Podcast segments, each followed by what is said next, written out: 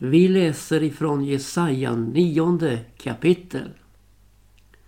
Dock, natt skall icke förbli där nu ångest råder. I den förgångna tiden har han låtit Sebulons och Naftalis land vara ringaktat. Men i framtiden ska han låta det komma till ära. Trakten ut med havsvägen, landet på andra sidan Jordan, hedningarnas område. Det folk som vandrar i mörkret ska se ett stort ljus. Ja, över dem som bor i dödsskuggans land skall ett ljus skina klart. Du ska göra folket talrikt. Du ska göra dess glädje stor. Inför dig ska det glädja sig så som man glädes under skördetiden. Så som man fröjdar sig när man utskiftar byte. Ty du ska bryta sönder deras bördors ok och deras skuldros gissel och deras plågares stav, liksom i Midjans tid. Och skon som krigaren bar i stridslarmet och manteln som sölades i blod. Allt sådant ska brännas upp och förtäras av eld. Ty ett barn var oss fött och en son blir oss given och på hans skuldror skall herradömet vila. Och hans namn ska vara underbar i råd, väldig Gud, evig fader, fridsförste. Så skall herradömet vara stort och friden utan ände över Davids tron och över hans rike. Så skall befästas och stödjas med rätt och rättfärdighet från nu och till evig tid. Herren Sebaots nitälskan ska göra detta. Ja, texten den börjar med att det ska inte förbli som det är utan det ska bli en oerhörd förvandling. En förvandling som bara Gud kan göra. Från en ångestens natt till en frid utan ände till en förblivande fred. Och texten lyser upp i den ångest som nu råder med en framtid och ett hopp som kulminerar i att ett barn var oss fött. En son blir oss given och på hans skuldror skall herradömet vila och hans namn ska vara underbar i råd, väldig Gud, evig fader, ja fridsförste. Och så får vi då den profetiska förutsägelsen om Jesu inträde i vår värld. Hur han föds in i vårt släkte. Och hur han växer till. Och herradömet blir honom givet. Nu ska vi ta en liten bakgrund i Guds rika löftesvärld. I hans förutsägelser om att Jesus skulle komma. Det börjar med hur härlighetens Gud uppenbarar sig för en ensam man utan arvingar vid namn Abraham i det kaldeiska ur för att ge honom marschorder mot löfteslandet. Och man kan säga att välsignelsen den låg dold i detta uttåg och denna vandring mot löfteslandet. Jag läser från första Moseboks tolfte kapitel. Och Herren sa till Abraham, gå ut ur ditt land och från din släkt och från din faders hus bort till det land som jag ska visa dig. Så ska jag göra dig till ett stort folk. Jag ska välsigna dig och göra ditt namn stort och du ska bli en välsignelse. Och jag ska välsigna dem som välsignar dig och den som förbannar dig ska jag förbanna och i dig skall alla släkter på jorden vara välsignade. Ja, han får löftet om ett stort folk och vi känner till det genom att han skulle räkna stoftkornen och himmelens stjärnor om han kunde. Så skall din säd bliva. Men som möter oss i denna mängd, i denna folkhop, en precisering i Guds ord. Genom Isak är det som säd skall uppkallas efter dig. Och så har vi denna precisering på nytestamentlig mark i Galaterbrevets tredje kapitel och sextonde vers. Nu gåvos löften åt Abraham, så åt hans säd. Det heter icke åt dem som komma av din säd, så som när det talas om många, utan det heter som det talas om en enda, och åt din säd, vilken är Kristus. Och när man sedan följer Nya testamentets släktregister så är det ju så oerhört stort att se hur Gud i mångfalden kan föra fram sin egen son. Som Abrahams löftesson med en precision i släktled efter släktled som leder fram till Jesus Kristus. Och sedan går vi till Jakob när han välsignar sina söner före sin bortgång. Och utväljelsen faller på Juda. Första Mosebok 49 och 8. Dig Juda, dig ska dina bröder prisa. Din hand ska vara på dina fienders nacke. För dig ska din faders söner buga sig. Ett ungt lejon är Juda. Från rivet byte har du dragit dit upp, min son. Han har lagt sig ned. Han vilar såsom ett lejon, såsom en lejonina.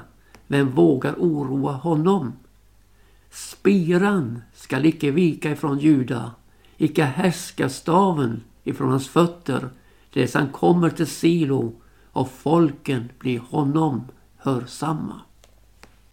Och vi ser här hur bland Jakobs tolv söner spiran och härskastaven blir givet åt Juda. I psalm 60 och 9 får vi detta bekräftat. Juda, min härskarstav. Samma och i psalm 108 och 10. Juda, min härskarstav. Och ännu en psalm, 78, vers 67. Han förkastade och Josefs hydda och utvalde icke Efraims stam. Men han utvalde Judas stam, Sions berg, som han älskade.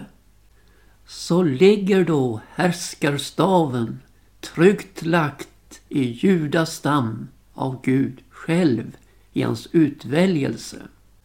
Och när vi sedan kommer in på nytestamentlig mark så möter oss i Hebreerbrevets sjunde kapitel och fjortonde vers.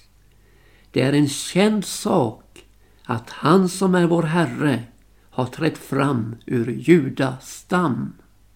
Och när Jesus själv talar med den samaritiska kvinnan så säger han Frälsningen kommer från judarna.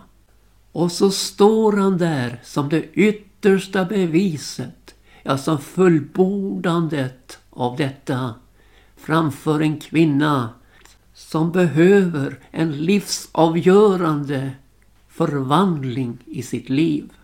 Med det levande, livgivande vattnet från Jesus.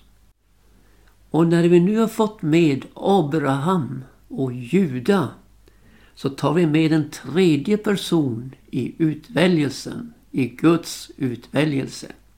David.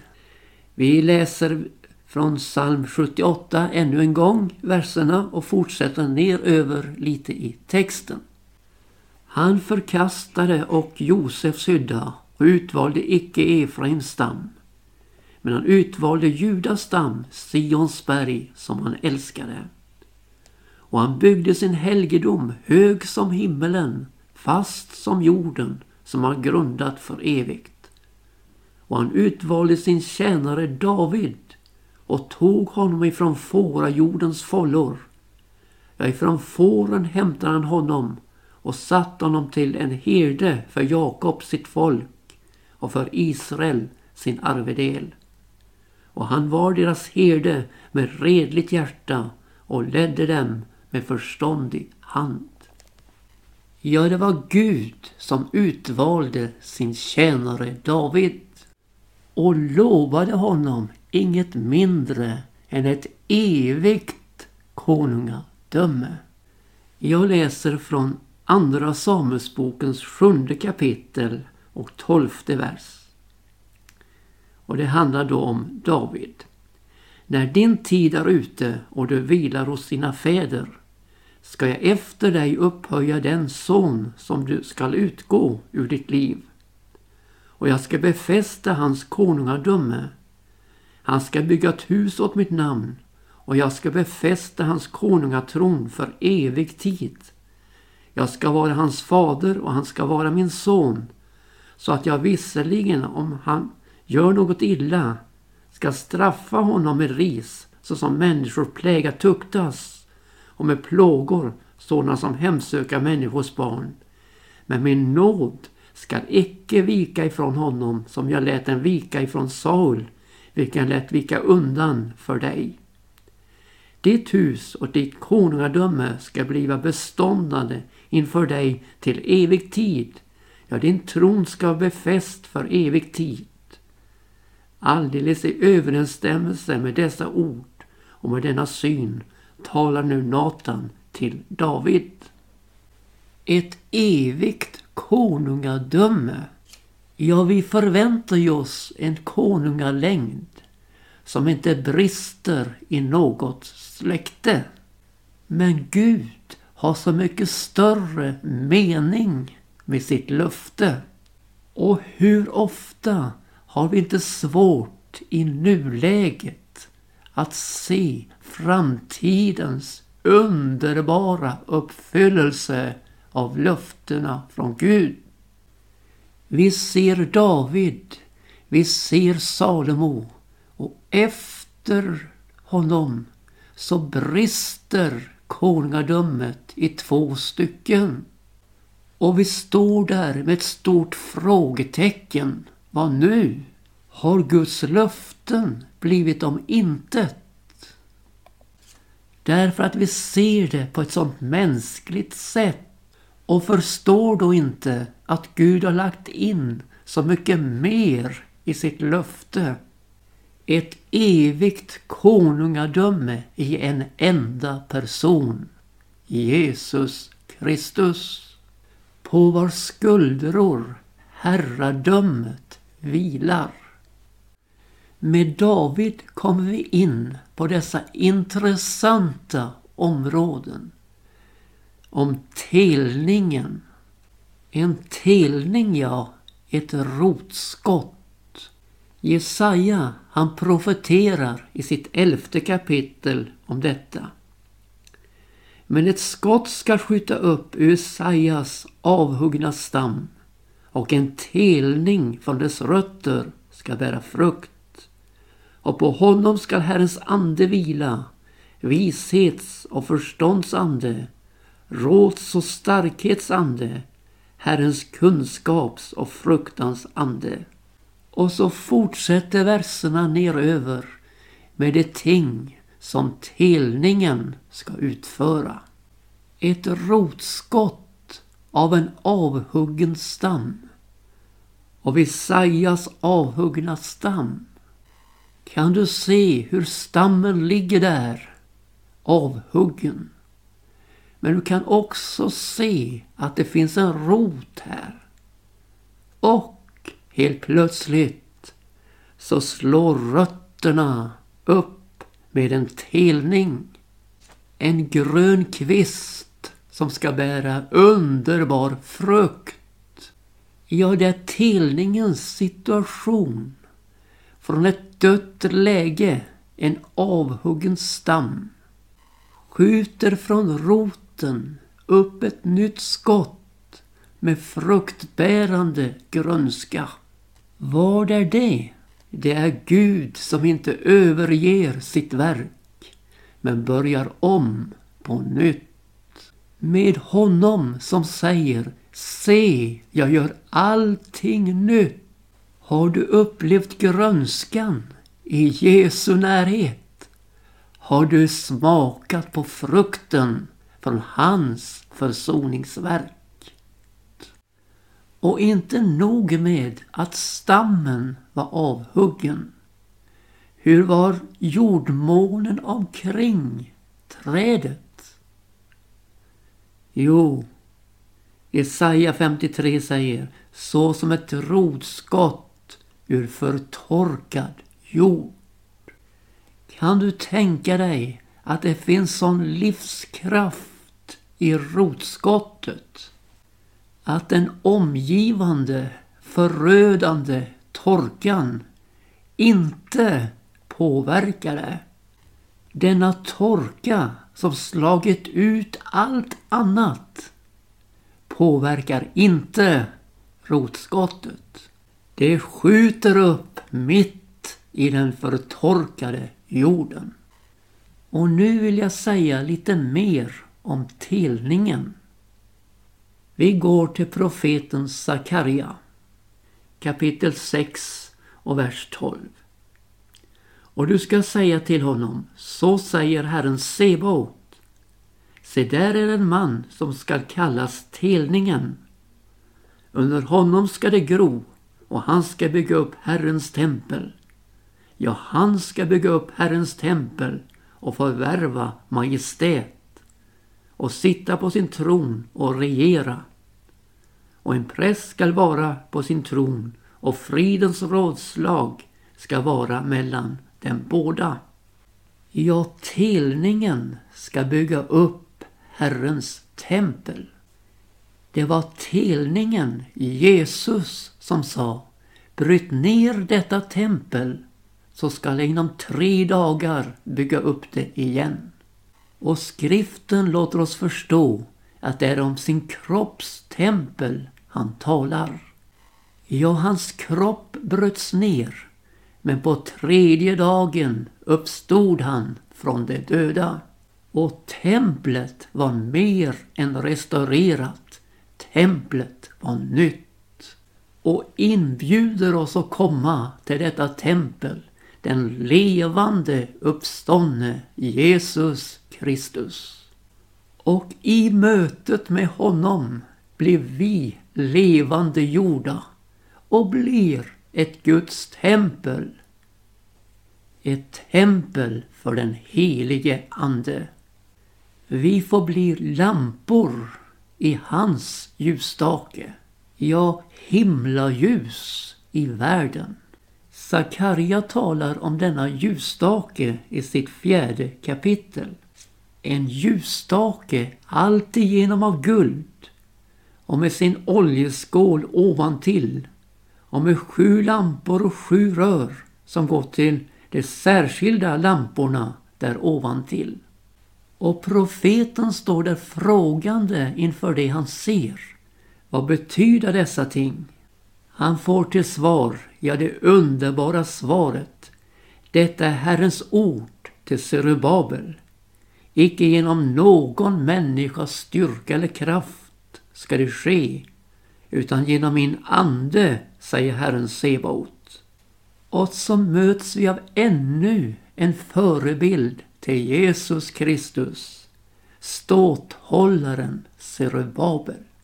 Och här grips jag på nytt.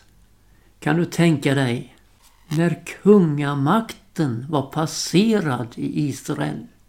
Då kommer en ståthållare fram som har det förundliga namnet Zerubabel som betyder Babels son. Och varför jag grips? Jo, jag ser ett sammanhang här mellan det Jesus säger om sig själv, Människosonen, och Zerubabel, Babels son. Och nu läser jag från Filipperbrevets andra kapitel, femte vers. Var så till sinnes som Kristus Jesus var. Han som var till i Guds skepnad men icke räknade jämlikheten med Gud såsom ett byte utan utblottade sig själv i det han antog tjänareskepnad när han kom i människogestalt. Så befanns han i utvärtes motto vara såsom en människa och ödmjukade sig och blev lydig intill döden, ja intill döden på korset. Ståthållaren Zerubabel fick aldrig titeln konungens son utan fick nöja sig med att heta Babels son medan Jesus i sin natur förenar att vara Guds son och människoson. Sann Gud, sann människa. Och när vi läser från Sakarja fjärde kapitel och åttonde vers så förstår vi att den förebildande texten handlar om Jesus. Det heter Serubabels händer har lagt grunden till detta hus. Hans händer skall och få fullborda det. Och du skall förnimma att Herren Sebot har sänt mig till er. Ty vem är den som vill förakta den ringa begynnelsens dag när dessa sju glädjas över att se murlodet i Serubabels hand. Dessa Herrens ögon som överfar hela jorden. Ja, en ringa begynnelse i krubban där i Betlehem. Men vilken slutsten som väntar på det eviga tempelbygget.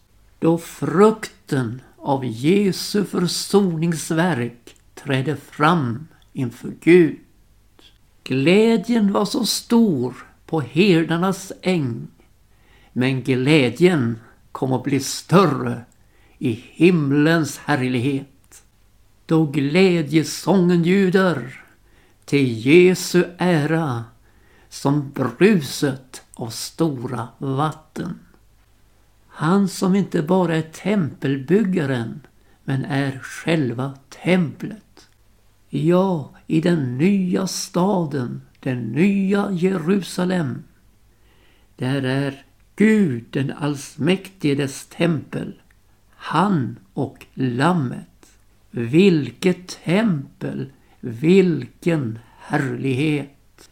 Guds tempelbygge börjar med Jesus och det fullbordas med honom.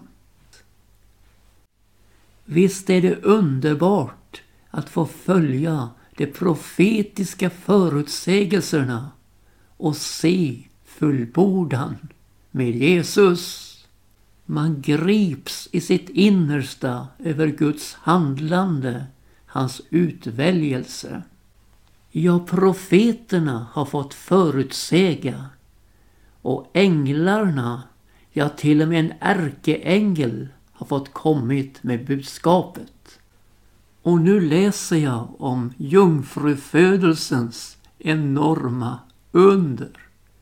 Det är från Lukas första kapitel, 26 vers. I sjätte månaden blev ängeln Gabriel sänd av Gud till en stad i Galileen som heter Nasaret till en jungfru som var trolovad med en man vid namn Josef av Davids hus och jungfruns namn var Maria. Och ängeln kom in till henne och sa Häll dig, du högt benådade, Herren är med dig. Men hon blev mycket förskräckt vid hans ord och tänkte på vad denna hälsning månne innebära. Då sa ängeln till henne Frukta icke Maria, du har funnit nåd för Gud. Se, du ska bliva havande och föda en son och honom ska du ge namnet Jesus. Han ska bli stor och kallas den högste son och Herren Gud ska giva honom hans fader Davids tron och han ska vara konung över Jakobs hus till evig tid och på hans rike skall ingen ände vara.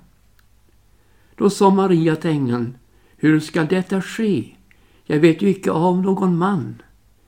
Ängeln svarade och sa till henne Helig ande ska komma över dig och kraft från den högste skall överskygga dig.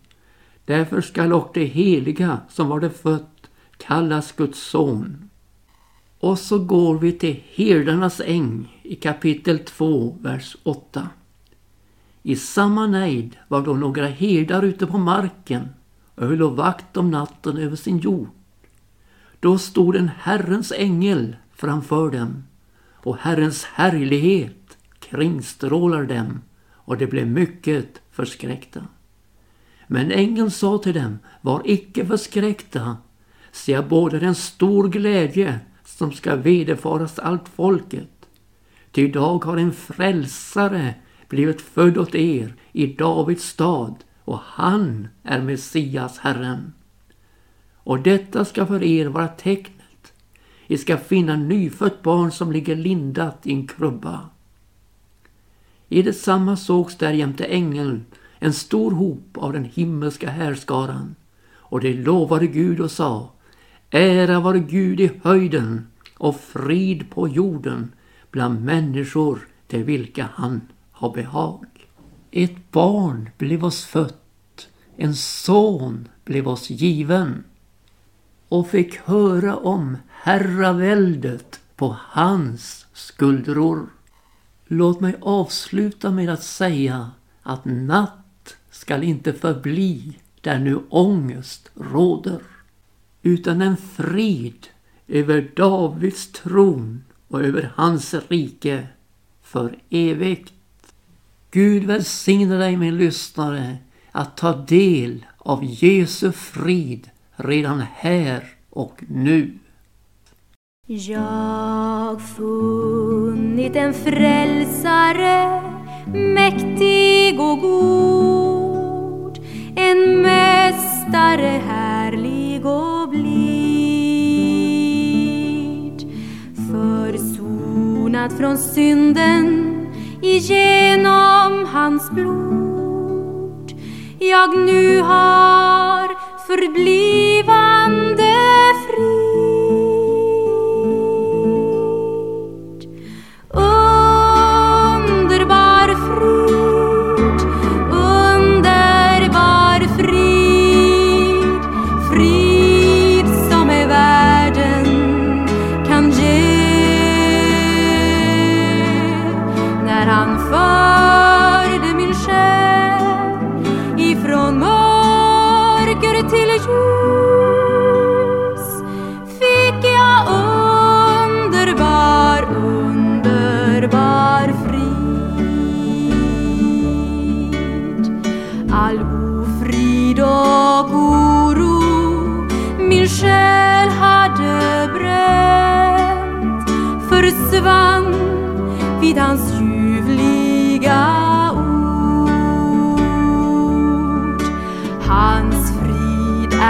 är den bästa jag någonsin känt.